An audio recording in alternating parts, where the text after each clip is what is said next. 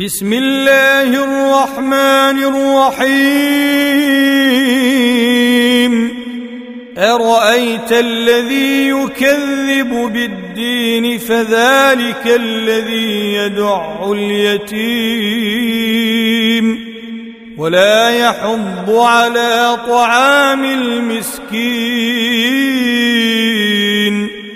فويل للمصلين الذين هم عن صلاتهم ساهون.